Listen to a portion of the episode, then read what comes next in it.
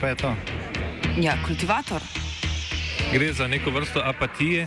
To lahko reče samo kreten, noben drug. Socialni invalid in ga je ne mogoče urejati. Drugi kandidat. Pa, eh, pa pije, kadi, masturbira, vse kako ti lahko reče, in nihče tega ne ve. Vsak petek skultiviramo dogodek tedna. Lahko po kriterijih radio študent, težko pa po evropskih kriterijih.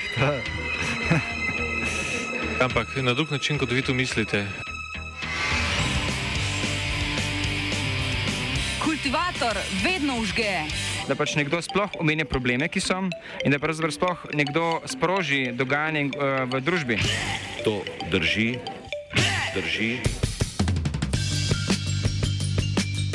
Ura je 17.02, poslušate Radio Student, natančno je kultivator. Uh, z mano v studiu Gal Krizmaničuja. Že. Uh, torej, uh, tokratni kultivator nismo dobili, oziroma nismo niti iskali nekih tujih sogovorcev, oziroma smo se odločili, da vzpostavimo neko naborko frequently asked questions, kot se reče z lepo slovensko besedo, uh, glede trenutnega stanja na severu. Zdi se mi tudi, da so celotne novice uh, se malce ustavile. Um, pustimo zdaj to, da iz Rusije ne prihajajo več novosti, ampak tudi slišimo, da ruska vojska napreduje počasi, eh, vidimo vsakič te zemljevide, ki se počasi barvajo, ne? Eh, pa potem pol pride sem pa kakšna novica, da je kakšna bolnica bila razstreljena in tako naprej. Zdaj, um, Gal, ti si praviš, da, da te je veliko ljudi ta teden spraševalo o razno raznih stvarih in si v bistvu začrtal približno zemljevid teh vprašanj. Ja, se pravi, um, itak tema tedna je pač še vedno Ukrajina, sam se pa strinjam, ja, da ni več tacga. Prvi del tedna je bil res tak. Uh, Preveč je bilo sploh stvari, katerih, uh, ki so se zgodile, tako malo, uh, kot je rekel enkrat Lenin. Včasih minijo desetletja, ko se uh, ne zgodi nič, in potem pride teden, ko se zgodijo desetletja.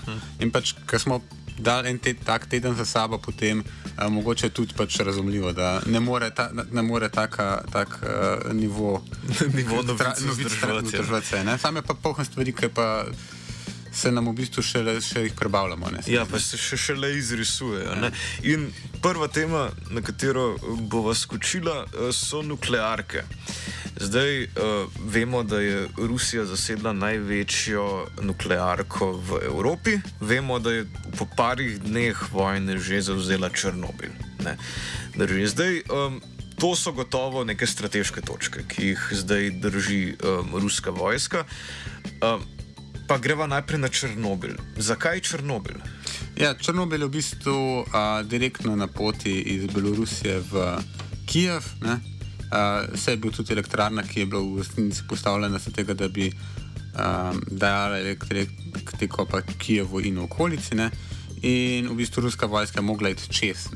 A, to so pač taka dost um, divji kraj. Dan, vedno, to so bila tradicionalno, zgodovinsko so bila to mokrišča, uh, potem ko uh, je bila elektrarna, pa tudi prej uh, so jih uh, Sovjetske zveze izsuševala, se, zdaj, ker je to ratala ta cona, kamor se ne hodi, ne, so se v bistvu ponovno, ponovno um, uh, bolj zamočvirila ta, ta območja, ne, tako da je v bistvu teže prehodno in pač ljudem po cestah se te, te lahko možno je prijeti do do, uh, do to, je tudi, to je tudi to območje, kjer vidimo razne ruske tanke, popolnoma pogreznjene v blato, si predstavljam. Mm, ne vem, po mojem je to malo, mislim, tako težko reči, zdaj, ker pač te slike od Boga, ki so. Ja. Se pravi, bilo je tudi nekaj poročila, da so okoli Kijeva samega uh, ukrajinske sile pač za. Podrla nekaj uh, teh jezov in namočile tla. Drugač pa Črnobil, uh, ja, pač se je tukaj je dosti mirno, resnično. Če se zadrživa malo na tem območju, torej severno od Kijeva, vemo, da je tam se zaradi pomankanja benzina.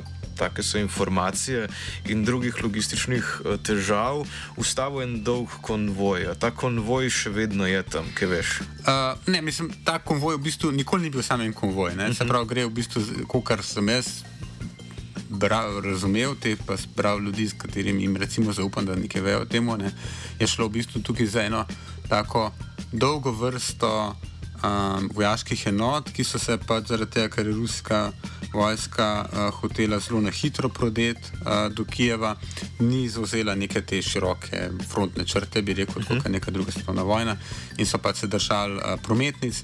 In jasno, ko če je ukrajinska vojska pač uh, podrla mostove, pa uvirala v bistvu to prodiranje, potem um, je trajalo nekaj časa, da se to pač popravi, ne, in pač vsi ostali za tem so mogli uh, po, počakati. No, ampak to ni nikoli ni bil pa nek tak en dolg kolon. Na dolga kolona a, tovornjakov, in tudi, kot razumem, se to v bistvu zdaj pač nekako razpršilo, oziroma ni več to tako. Okay. Uh, če greva še od Črnobila k Zaporožju, um, tam je če, če so informacije pravilne, torej ruska vojska, vemo, tisti požar je bil, eh, ki so potem rekli, da ni nič hudega s tem. Ruska vojska zdaj nadzoruje eh, to največjo jedrsko elektrarno v Evropi, noter so še vedno Ukrajinci, ki z njo upravljajo in proizvajajo energijo. Um, zdaj, kaj, kaj, kaj je pa s tem? Ja, se prav. Mogoče prvo rečemo, kaj je razlika med Črnobilom in Zaporožjem. Se pravi, Črnobil je v bistvu ugasnjena elektrarna in že 20 let je ugasnjena elektrarna. Uh, tako da pač tukaj um, se nič kaj posebnega ne dogaja, se pravi, pač te, um, tudi ta nesrečni reaktor številka 2 je zaprt v enem takem betonskem kokonu. In če tukaj ne bi prišel praktično do direktnega udara uh, v, uh, na to samo zgradbo, pač ni prič, ne bi človek pričakoval, da bo kaj, uh, mislim, se ne more pač ta material ne more ogrožati. Ne. So sicer noter tudi um, skladišča uh, izrabljenega goriva v Črnobilu, ampak so, ker so tako stara, ne, uh, ne rabijo v bistvu. Seveda rabijo neko vzdrževanje na dolgi rok, ampak ne rabijo konstantne oskrbe z elektriko. Uh, Medtem ko aktivna elektrarna, jedrska, ki ti ustaviš, rabi um, še vedno, uh, se pravi, se v reaktorju ne, po, ne poteka več. Uh, verižna reakcija, še vedno pa pos, uh, poteka spontani razpad v bistvu jedra, zato je pač to visoko reaktivno uh, gorivo in to oddaja toploto. Ne? In ta toplota pa se je uh, dosti nizka, se pravi, to je recimo kakšen. In zelo in pada, ne? se pravi, takoj v prvem trenutku je približno 5% um, tega, kar ima uh, elektrarna, ki funkcionira, ampak recimo po enem, parih dneh je to pač kot desetinki procenta. Sam, jedrska elektrarna je zelo velika in močna. Ne? In tudi ta delček procenta je uh, ni tako malo ne? in se nabira. Ne? In v bistvu uh, to je največja varnostna grožnja, v bistvu je tukaj, da jedrska elektrarna, tudi ko je ugasnjena, rabi elektriko, da se, da se hladi. Ne? In, um, pa za porožje mislijo ugasniti? Uh, ja, v bistvu reaktori niso več aktivni. Prav, bili so, reaktori so bili ustavljeni, ne? tako kot bi bili ustavljeni za remont. Recimo, Ampak še vedno je treba uh, te reaktorje pač hladiti, oziroma pač mora pač neka črpalka biti, ki, teče, ki črpa vodo česa. Pa to pomeni, da bojo okoliška mesta brez štroma ostale. Ne. Um, zakaj, zakaj je sploh pojem, da so po, oni šli ustavljati za porožje? Uh, mislim, da je pač en reaktor na minimalni moči, ampak drugače tukaj šest reaktorjev, to je ogromna elektrarna. Aha, okay. In uh, čisto iz varnostnih vidikov, pač en, dva reaktorja sta bila itak v remontu, ko se je vojna začela, in pač čisto iz tega, uh, ker. Za vsak čim, ja, se pravi, čim prej ti ustaviš elektrarno, potem ta, se pravi, ta količina hlajenja, ki jo moraš zagotavljati, s časom pada. Ne? In najbolj kritične so v bistvu prve ure, uh, in potem uh, v bistvu je tega vedno manj. Ne? In se pravi, če so oni ugasnili to pred enim tednom, so v bistvu zdaj v full manj ogrožena, pač tudi če bi se nekaj res slabega zgodilo. In pač, če nima več uh, elektrike, elektrarna, potem ima uh, na mestu pač. Uh, Razvarje generatorje, ne, dizelske, in potem je pač v bistvu treba te generatorje pač paziti, da vzlaufajo. No. Okay, um, zdaj, jaz sem prebral par stvari, ki so se mi zdele malo neverjetne, ampak bile so neke spekulacije, da bi. Um, Putin, ponavadi pri teh novicah je vse izvira iz ene same glave, ne, da ne bi Putin hotel um, povzročiti jedrsko katastrofo, zaradi katere bi um, pač ustavil pol Evrope in s pomočjo tega um, pač dobil izgovor za še obsežnejšo invazijo. To se meni.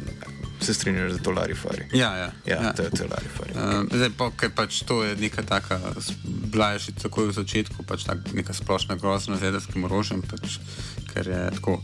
Um, mislim, da se ni pač to dobro, pač ko čist čist lahko jemati.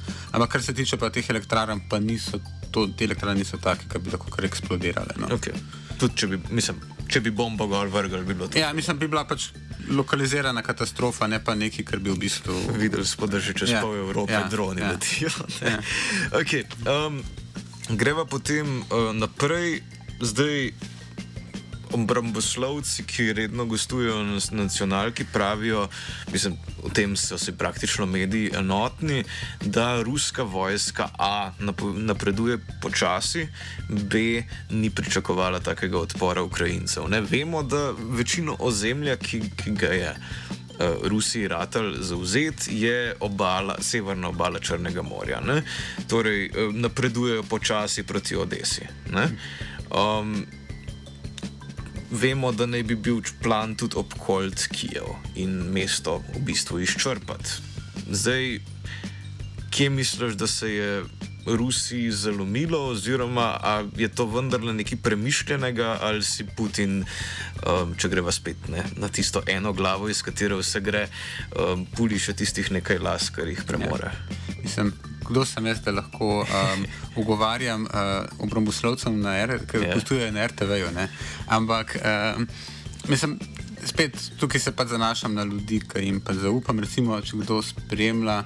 Uh, Mih, uh, se pravi, Majka Kaufman na uh, Twitterju, se mi zdi, da je, je kar dosti uh, dober uh, vir za, tega, za te informacije, pač, tudi, kar se tega tiče, jaz malo njemu sledim. No. Um, se pravi, vprašanje je, pač, kaj, kaj se je tukaj zgodilo, uh, da pač ruska vojska ni bolj uspešna. Mislim, meni se zdi, v osnovi je se zgodilo to, da so očitno prišli z zelo optimističnim planom, ki pač ni bil realističen nikoli. Blitzkrieg. Ja, se pravi, jaz, predvsej jasno je, da pač kakršna koli vojska, vojna Rusije v Ukrajini ima zelo problematično uh, notranje politično um, perspek, um, dimenzijo v, v, Rus- v sami Rusiji. Ne? Pač kako prepričati v bistvu Ruse, da morajo napasti Ukrajino, ki jo imajo v bistvu za bratsko, bratsko državo, no, oziroma pač Ukrajince. Mm. Kot, um, Treba jih je pač- demonizirati in tako Ja, naprej. mislim, to je pač šlo, recimo, a, če se spomnimo recimo, napada na, na Irak, ne pač kakšna demonizacija v bistvu Sadama Huseina, pa tega je pač mogla se prej zgoditi, da je pač obstajala taka podpora za vojno. Ne. In v bistvu a, to so očitno je, da je, Rusi, da je ruska pač vlada oziroma Putin probo to vojno izpeljati tako skrito. Ne. Se pravi, um, govorijo pač to, da je treba v bistvu osvoboditi Rusi, eh, se pravi uh, Ukrajince od teh, te oblasti, ki je nekako uh, Nacistične. nacistična in tako naprej. Ne. Mm. In to, ta pač politični odločitev, da se vojno izvede na tak način, ne, se pravi tako, da se proba samo s šok, šokom destabilizirati vodstvo in potem ga prisiliti v to, da kapitulirajo na mestu v parih dneh, ne, um, je pač mogel imeti posledice tudi v, v, vojak, v tem, kako je ta vojaška operacija izvedena, zato ker pač. Uh, ko se, ko čist, če si človek predstavlja, kako je to mogel let, uh, se pravi, obrambni minister, pa te generale so mogli reči, ja, pač to je ok ideja, to bomo mm -hmm. probali narediti. Ne? In uh, pač to je osnovni problem. Ne? Drugi problem pa je, da je mislim, ruska vojska ni res ofenzivna vojska. Uh, in pač uh, spravili so se pa napast največjo državo na, v Evropi. Ne? Ja, to, je obramboslovka je dobro povedala na nacionalki, da kljub temu, da um, pač vidimo zemljevid Ukrajine in vidimo pač pobarvano ozemlje, ki zgleda mehko, ne, moramo vendarle vedeti, da je površina te, tega ozemlja, ki ga je ruska vojska zaenkrat že zasedla, enaka površini Velike Britanije. Ja. Ne, pač Ukrajina je ogromna. okay, um, dejmo, mogoče sem še to, preden greva dalje na razmere v Rusiji. Um, Azov bataljon in pa pač celoten očitek nacifikacije oziroma denacifikacije velijo neki vezi med Zelenskim in Azov bataljonom, torej uradnim bataljonom znotraj ukrajinske vojske, ki je odkrito neonacističen. Pa mislim, da se v tem studiu še nismo tako pogovarjali o tem, da bi nam vendarle mogoče Ja, malo tukaj- svoj, svojega vidika ponudil. Tukaj moram reči, da sem fuz zadržan, pač kaj bi jaz um, definitivnega rekel, ker moram reči, da pač, um, nimam nekega stoprocentnega zaupanja v svoje znanje. Pač dejstvo je pa to, da Azov bataljon je bil v bistvu prostovoljna paravojaška enota, ki, so jo, ki je pač rekrutirala svoje borce iz vrst v bistvu neonacističnih. Uh, To so ukra ukrajinski ja. nacionalisti, ki so se vzpostavili predvsem na vzhodu Ukrajine, drži. Um, mislim, sede, bis- v bistvu pač črp ta uh, neonacizem mislim, in skrajni nacionalizem ukrajinski ne, je pač vedno v zahodni Ukrajini bil. Aha. Ne, in, ja, borili, ampak so se šli boriti pač na vzhod. Ne, V Donbass V Donbass, pa, ne. ja. In v bistvu pač to je bilo tisto obdobje, uh, okoli dva, mislim, se pravi takrat uh, 2014. Po ne, Krimu. Uh, ko se, mislim, ukrajinska vojska je bila, se je skazala za čist um, uh, nesposobno, neoperativno, um, brez uh, pač želje, da bi se v bistvu uprla. Ne? In se je pač država z- odločila, da se bo zanašala na, tudi na te.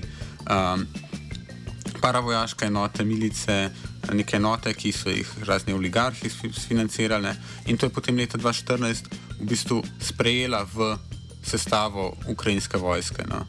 Okej. Uh, ampak pač eh, ne bi pa res tako ful več kaj tukaj na tem povedal, ampak sem pa že razmišljal, da moramo eno oddajo narediti, ki bo to malo bolj uh, kompetentno in objektivno. Pač In naj to služi kot obljuba za naprej. Ok, peva, peva na Rusijo. Um, najprej, mogoče neka blokada informacij, ki prihajajo iz Rusije. Ne vemo, da so Rusi prepovedali poročati mimo neke linije, ki ne bi bila zapovedana. Ne na zadnje je vlasta Jeseničnik se iz Moskve nehala javljati, ravno zaradi tega, ker ji grozi, mislim, da celo zaporna kazen, v primeru, ko bi rekla kaj, kar ne bi bilo tam pogodu.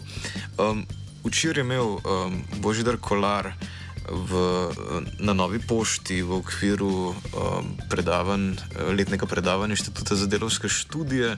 Um, Predavanje o dezinformacijah oziroma načinu, kako le te preprečevati. Ne? In sem ga na koncu vprašal, pa um, a se da uh, ukinitev Sputnika in Russia Today v evropskem medijskem prostoru, oziroma vsaj na televizijskih sporedih, brati drugače kot nek popolno pokroviteljstvo Evropske unije do konzumentov svojih medijev, kot ne, poleg tega, da je zadeva totalno ideološka. Mi imamo seveda svobodne medije, ne, zdaj pa ne svobodne medije, vam bomo pa celo prepovedali gledati. Ne, pa, pa, je- njegov odziv je bil, jaz bi to prej povezal z vojnim stanjem, je rekel. Ne? Torej, očitno smo v nekem vojnem stanju, kot celo na, na, nacionalna tvorba, ki tako prisega na svobodo medijev in načeloma ne podcenjuje potrošnika teh medijev, ukine celoten. Propagandni oziroma novičarski. Jaz, jaz mo- moram priznati, da na začetku invazije na Ukrajino sem gledal izključno Raša, tudi od televizijskih eh, eh, programov, ker sem lažje s prstom pokazal na propagando kot v zahodnih medijih. Ne. Ampak Raša tudi zdaj ne morem več gledati, vsaj ne na televizijskem sporedu. Kako, mislim, a ti to obsojaš ali se ti zdi ta poteza v kakršnem koli smislu racionalna? Ne, mislim, jaz sem se kar strinjal s tem, kar ti je pač Božidar povedal. Ne? Pač, ja, to je neka taka um, logika v bistvu vojne. Ne? In um, jaz, ki se v bistvu več bolj z nekim ekonomijo ukvarjam pri svojem poročanju, sem, v bistvu to sem zelo opazil, recimo, da tudi uh, na nekih področju pač ekonomskih odnosov, pa ekonomske logike, pač v bistvu uh, je ista ista dinamika na delu. Ne? Se pravi, da so neke te um, javno deklarirane pač, um, um, nač, vrednote, pa to, kar so šle, k, k, katerih pač smo načeloma naj bi pač temeljili celo ta liberalna demokracija, so tukaj pač takoj stopile v neko uh, sekundarno vlogo no, in pač da tukaj na delu uh, ta, ta, kot je rekel, pač, ja, v bistvu vojna, vojna, vojna dinamika, vojna, neka pač razširitev vojne na druga področja. Ne. Pa koliko informacij pa naprimer o ekonomskem statusu Rusije zdaj imamo? Ne? Jaz sem videl nek posnetek, kjer nekdo sred nekega nakupovalnega centra začenja meče eh, bankovce rubljev čez eh, balkon, ker je pač rubelj praktično nič več vreden. Kako država no. trenutno sploh še deluje? Ni, ni, ni, ni lih nič več vreden. Uh, sploh ni eh, sploh to v Rusiji. Se pravi, če rubelj izgubi vrednost v primerjavi z uh, ameriškim dolarjem pa evrom, ne, to še ne pomeni, da, Da v ga- Rusiji ne da v Rusiji ne moreš ne, več kupiti stvari. Ne. Res pa je, da je pač rubelj izgubil v. V teh pač dveh tednih praktično polovico. Mislim, treba, če pogledamo recimo malo daljše obdobje, v bistvu polovico vrednosti. Ne? Se pravi, da je šel iz nekih 70 evrov, uh, rublov za evro na 140, 150. a ne. Okay. Um, ampak um, neke te ekonomske, mislim, te ekonomsko. To je sigurno pač prizadelo v bistvu tudi Rusijo, zato ker se, uh, mislim, tudi običajne državljane, ker se pač cene dvigu, vendarle dvigujejo. Ne. To do neke mere se, prena, se v bistvu pre, prenese pač v, v neko splošno raven cene, ne samo ne pač direktno. Ne. Preskrba deluje normalno, kaj veš? Uh, ja, pač kot res. Kakor sem lahko pač človek uh, iz, iz Slovenije to spremlja. Ja, no. Mislim, pogovarjal sem se z eno kolegico v Rusiji, pa pač prav, da so šle cene gor, ni pa tako, da bi bilo pomankanje. So pa recimo uh, konec koncev. Um, Rusija je zelo velika proizvodnica um, hrane, sploh zaradi tega, ker je po letu 2014 uvedla v bistvu. Um, uh, takrat so bile v bistvu sankcije Rusije proti Evropi, za te sankcije, ki jih je takrat Evropa po Krimu sprejela, je, bila, uh, je bil embargo uvoza na evropsko hrano. In to je v bistvu v teh osmih letih povzročilo, da je Rusija um, kar zelo ukrepila svoj uh, prehrambni sektor. Ne, pač, in uh, mislim, tako pač ni, ni vrsta kruh, no, mislim, to je pač absurdno. Uh, Ne, pa nazadnje so žitnice. Ne? Ja, ja no, pač, mislim, da je to dosti zanimivo, ker pač konec koncev uh, Sovjetska zveza uh, v tem v svojem zadnjem obdobju je bila stalna uvoznica hrane. Ne. Rusija danes je iz, največji izvoznik uh, pšenice. No, pa tudi drugih konc koncev drugih artiklov, se ni tako, da je bila to avtorkija, ne, uh, jasno. Ne. Zdaj pač, pa obstajajo pač neki posamezni. Um, posamezni embargi nekih izdelkov, kot se recimo zdaj govori, da Apple ne bo več prodajal, ne, to je pa pač druga stvar. Ne. Ampak mogoče njih v bistvu, da kar sem omenil, Apple sem spomnil se, kako bi v bistvu eh, se vrnil na to debato, ko smo, rekli, ko smo govorili, da v bistvu se vojna razširila na druga področja. Ne. Um, to se mi zdi neka taka stvar, zaradi tega, ker tukaj smo pa videli. Eno so te uradne sankcije, ki so jih Evropa in Amerika sprejela, ne? ampak v bistvu imamo pa zdaj še cel kup nekih, um, recimo, temu sankcij, ampak ukrepov, ker pač se posamezne podjetja same od sebe odločijo, da pač z Rusijo ne bodo poslovali. Zaradi ne. svojega dobrega Zaradi ugleda. svojega dobrega imena. In tukaj se mi zdi to, kar, sem, kar smo govorili, recimo tudi ta blokada Raša, tudi pa ruskih medijev, pa uh, konec koncev pač to, kar se dogaja pač s tem uh, odpovedovanjem uh, ruske umetnosti v nekih kulturnih institucijah, ne, da je pač to, da ljudje, uh, pa podjetja, pa institucije same od sebe sprejemajo neke take zadeve. Ne. Če se spomniš, v prvem tednu vojne je italijanska univerza, ena izmed italijanskih univerz, začasno ukinila cikl predavanj o literaturi Dostojevskega. To je, to je že malo del, del od tega. Okay, um, torej, eh, mogoče samo še glede žitnice. Um, Vemo, da se od ruskih energentov ne bomo mogli čist rešiti. Um, Danes sem jih poslušal na nacionalnem radiju eno oddajo o tem, kako um, nam bo pač zmanjšanje odvisnosti od ruskih energentov še bolj otežil um, zeleni prehod na splošno, če gledamo na dolgi rok. Ampak to je drugo. Ne? Kaj pa uh, žito? Mislim, a bomo žito tudi kupovali, tako kot da se malo delamo, da s tem ne financiramo vojne, ali bomo najdel neke druge vire? Mislim, Evropa ne, nima tega problema, ker pač vendarle proizvede ogromno hrane. Ne. Okay. Pa tudi pač. Kdo pa je bil odvisen od ruskega žita? A, Predvsem Bližnji vzhod. Bližnji vzhod. Se pravi, uh, uh, Egipt, uh, pač, nasplošno pač v bistvu cel Bližnji vzhod, pa deloma pač uh, Indija. No. Ampak Ampak oni bojo sankcionirali Rusijo. Ne, Najbrž ampak to pač njih, uh, mislim, za njih niti ni važno, ali se sankcionirajo, ali ne, mislim, še vedno so v hudih državah. Uh Mhm. -huh. uh, konc koncev, če je pač problem s transportom, so više cene iz Rusije, ne. poleg tega je pa Ukrajina sama pač velika izvoznica uh, uh -huh. žita in v bistvu vsa ta. Tam so produkcijo po- ustavljali. Ta, ta, po, mislim, ta del Ukrajine, ki, ki proizvaja žito, je v bistvu vzhodni. ne. Vzhodni. Ja. Aha. Okay. Um, i- Mhm. Uh, Mogoče lahko eno še kakšno vprašanje, v bistvu, ki so ga dobila, Kar, kar. eh, damo, ne, se pravi, ko smo govorili uh, o energentih. Ne, uh, eno vprašanje je bilo, da je Evropska unija rekla, da bo zmanjšala ruski uvoz plina uh, do konca leta 2022, oziroma Nemčija do 2023, za dve tretjine. In zdaj vprašanje, odkje bo prišel ta plin. Um, ja, pač ideja o tem, da se ga z, nadomesti z um, tako imenovanim LNG-jem, se pravi utekočinjenim zemljskim plinom, ki ga pač gre na ladjah. Ne? Ampak. torej, to bi vozili čez Atlantik iz Amerike. Ja, recimo zanimivo, kje so največji dobav, trenutni dobavitelji uh, uh, uh, Utekočinjenega utekočin zemljskega, ja. zemljega plina so na prvem mestu Amerika, potem Katar, no, na tretjem je pa Rusija. Um, tukaj v bistvu um, se pravi, kupovanje in prodajanje takega plina deluje zelo drugače kot pač to, kar, de, kar pač kupovanje plina iz Rusije. ne. Prvo, kot prvo, pač sam po sebi je ta plin približno tretjino dražji kot, v, eh, v, eh, kot eh, plin iz plinovoda iz Rusije. Ne. Predvsem je pa zelo, zelo. Um, Mm, Zelo, zelo niha cena. Uh -huh. Se pravi, to govorimo o nekem dolgoročnem poprotju, ampak v resnici um, je glavni učinek pač tega uh, LNG-ja to, da je pač.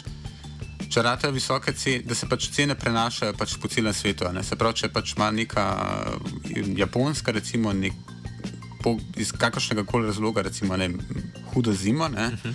se pa pač potem te ladje obrnejo lahko in se odpeljajo na, nizozem, na, na Japonsko, dobesedno med potjo. ne. Torej, tiska da več. Tiska da več. Ne? Aha, to je tako. Medtem, kar pač plin uh, je pa nek uh, uh, gospodar, je pa najbolj tipičen, uh, zelo uh, primer nekega zelo stabilnega gospodarskega odnosa. Ne? Se pravi, plinovod ti postaviš uh -huh. točno do tistih pol. Uh, plin ne more, pač ta plin iz Rusije ne pride pač od kjerkoli. Se pravi, vsak plinovod iz Rusije ima točno določeno uh, območje teh naftnih polj, iz katerega In prihaja. pride direktno do In odjemalcev, in- ki garantirajo in pač- porabo tega plina. Ja, in v bistvu uh, temelji na nekih takih 30-letnih pogodbah. Ne? In pač v bistvu tukaj nimaš nobenega pomankanja. To, kar bi bil tudi Severni tok 2. Tako je. Ja.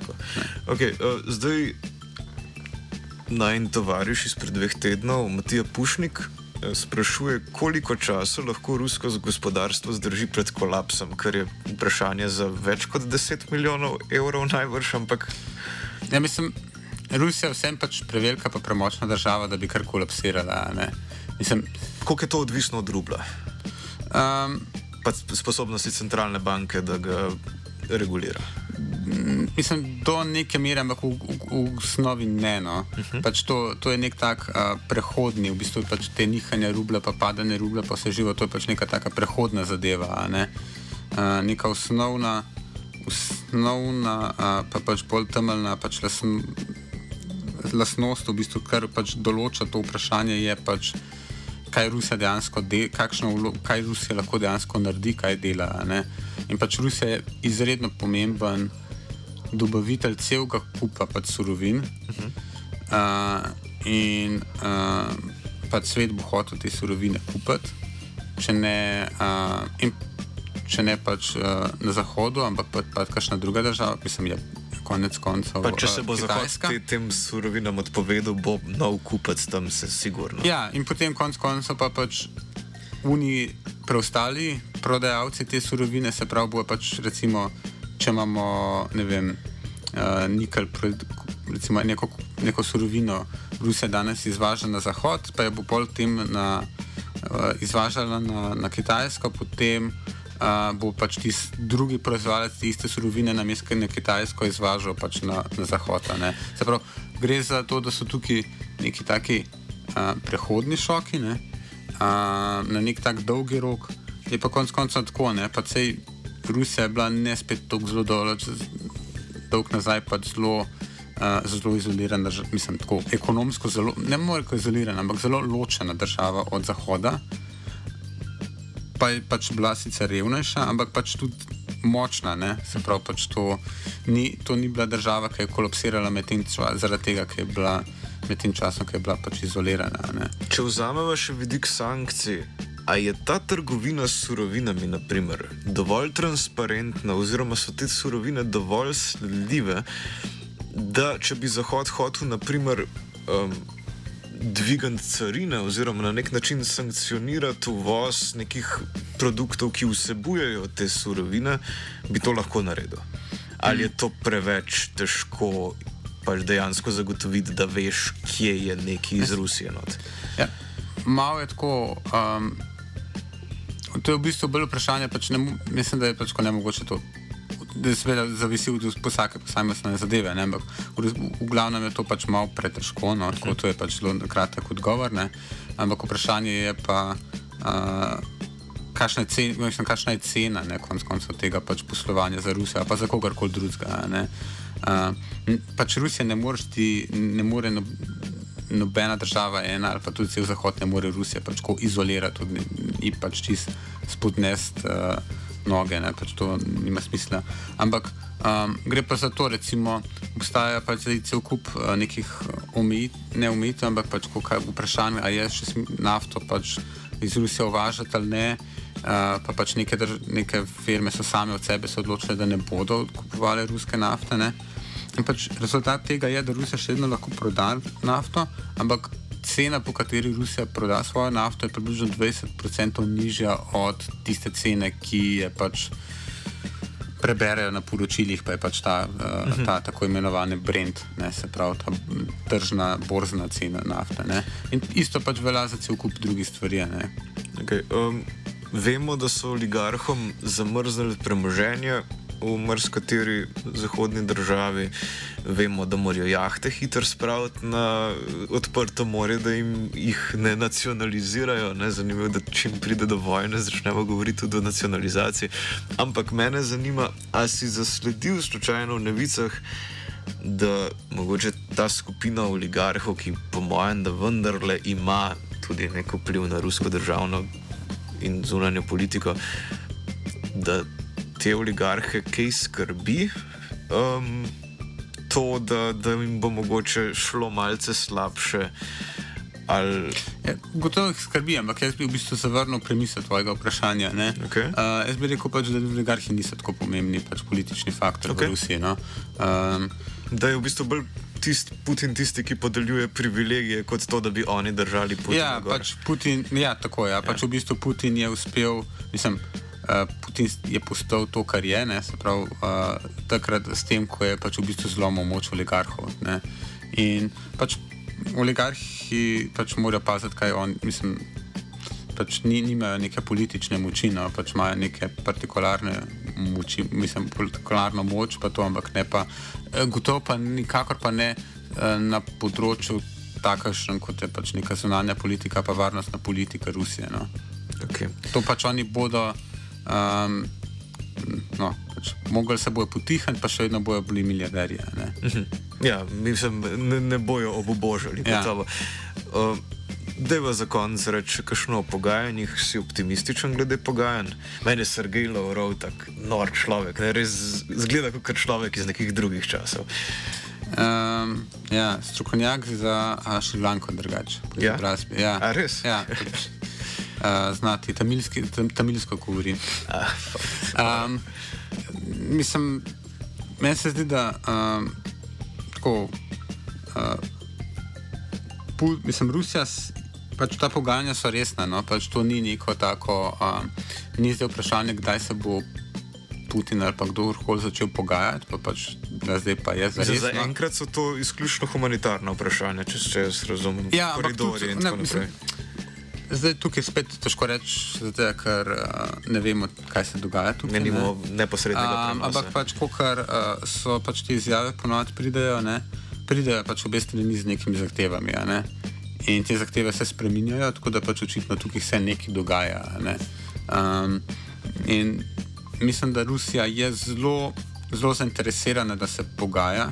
In konec koncev tudi Ukrajina je predvsej zainteresirana, da se pogaja. Se pač jim, eh, so šipkejša stran, mislim, kako se obrne, pa govorimo, kako uh, rusijska vojska se ustavlja, pa se ne, ampak pač ruska vojska pač napreduje in napreduje. In osvaja strateške cilje. Ja, tako je. Ja, ne. ampak um, ne vem, moram reči, pač, da je iskreno vprašanje. Pač, to, to je nekaj, kar pač ni, ni, ni jasno, kako se bo končalo. No. Ja. Vse do, mene. Do prekinitve ognja bo najbrž tudi preteklo še nekaj vode. Gaj si hodil še kaj? Um, ne, v bistvu mogoče zdaj gledam še kakšno kjer vprašanje. Mislim, da se je večina pokrila. No. Ja. Um, dej, tako da to bi mogoče bilo kartona. V redu, uh, Gal, uh, hvala lepa, vedno, uh, vedno dobrodošel v, v, tudi za to formo kultivatorja. Um, pa lep vikend. Tako poslušali ste kultivator na Radio Student, uh, še tretji teden zapored o vojni v Ukrajini. Um, hvala za prisluh.